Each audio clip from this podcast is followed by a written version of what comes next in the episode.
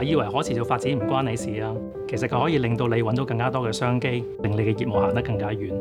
等我話你知點樣將一個產品變成一個品牌。其實市場開拓都唔一定要行到好遠嘅，就算臨近嘅地區都有好多好有潛力嘅商機。做唔做數碼轉型呢？可能係佢生存與否嘅關鍵。香港嘅廠商唔單止係要睇佢嘅生產線嘅轉移，而係生產線供應鏈嘅轉移。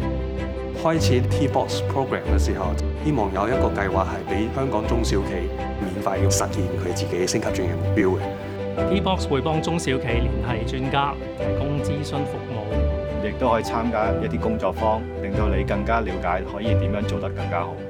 其實政府有好多唔同嘅計劃資助好多中小企，T Box 亦都可以幫到你去將你申請嘅流程咧簡化。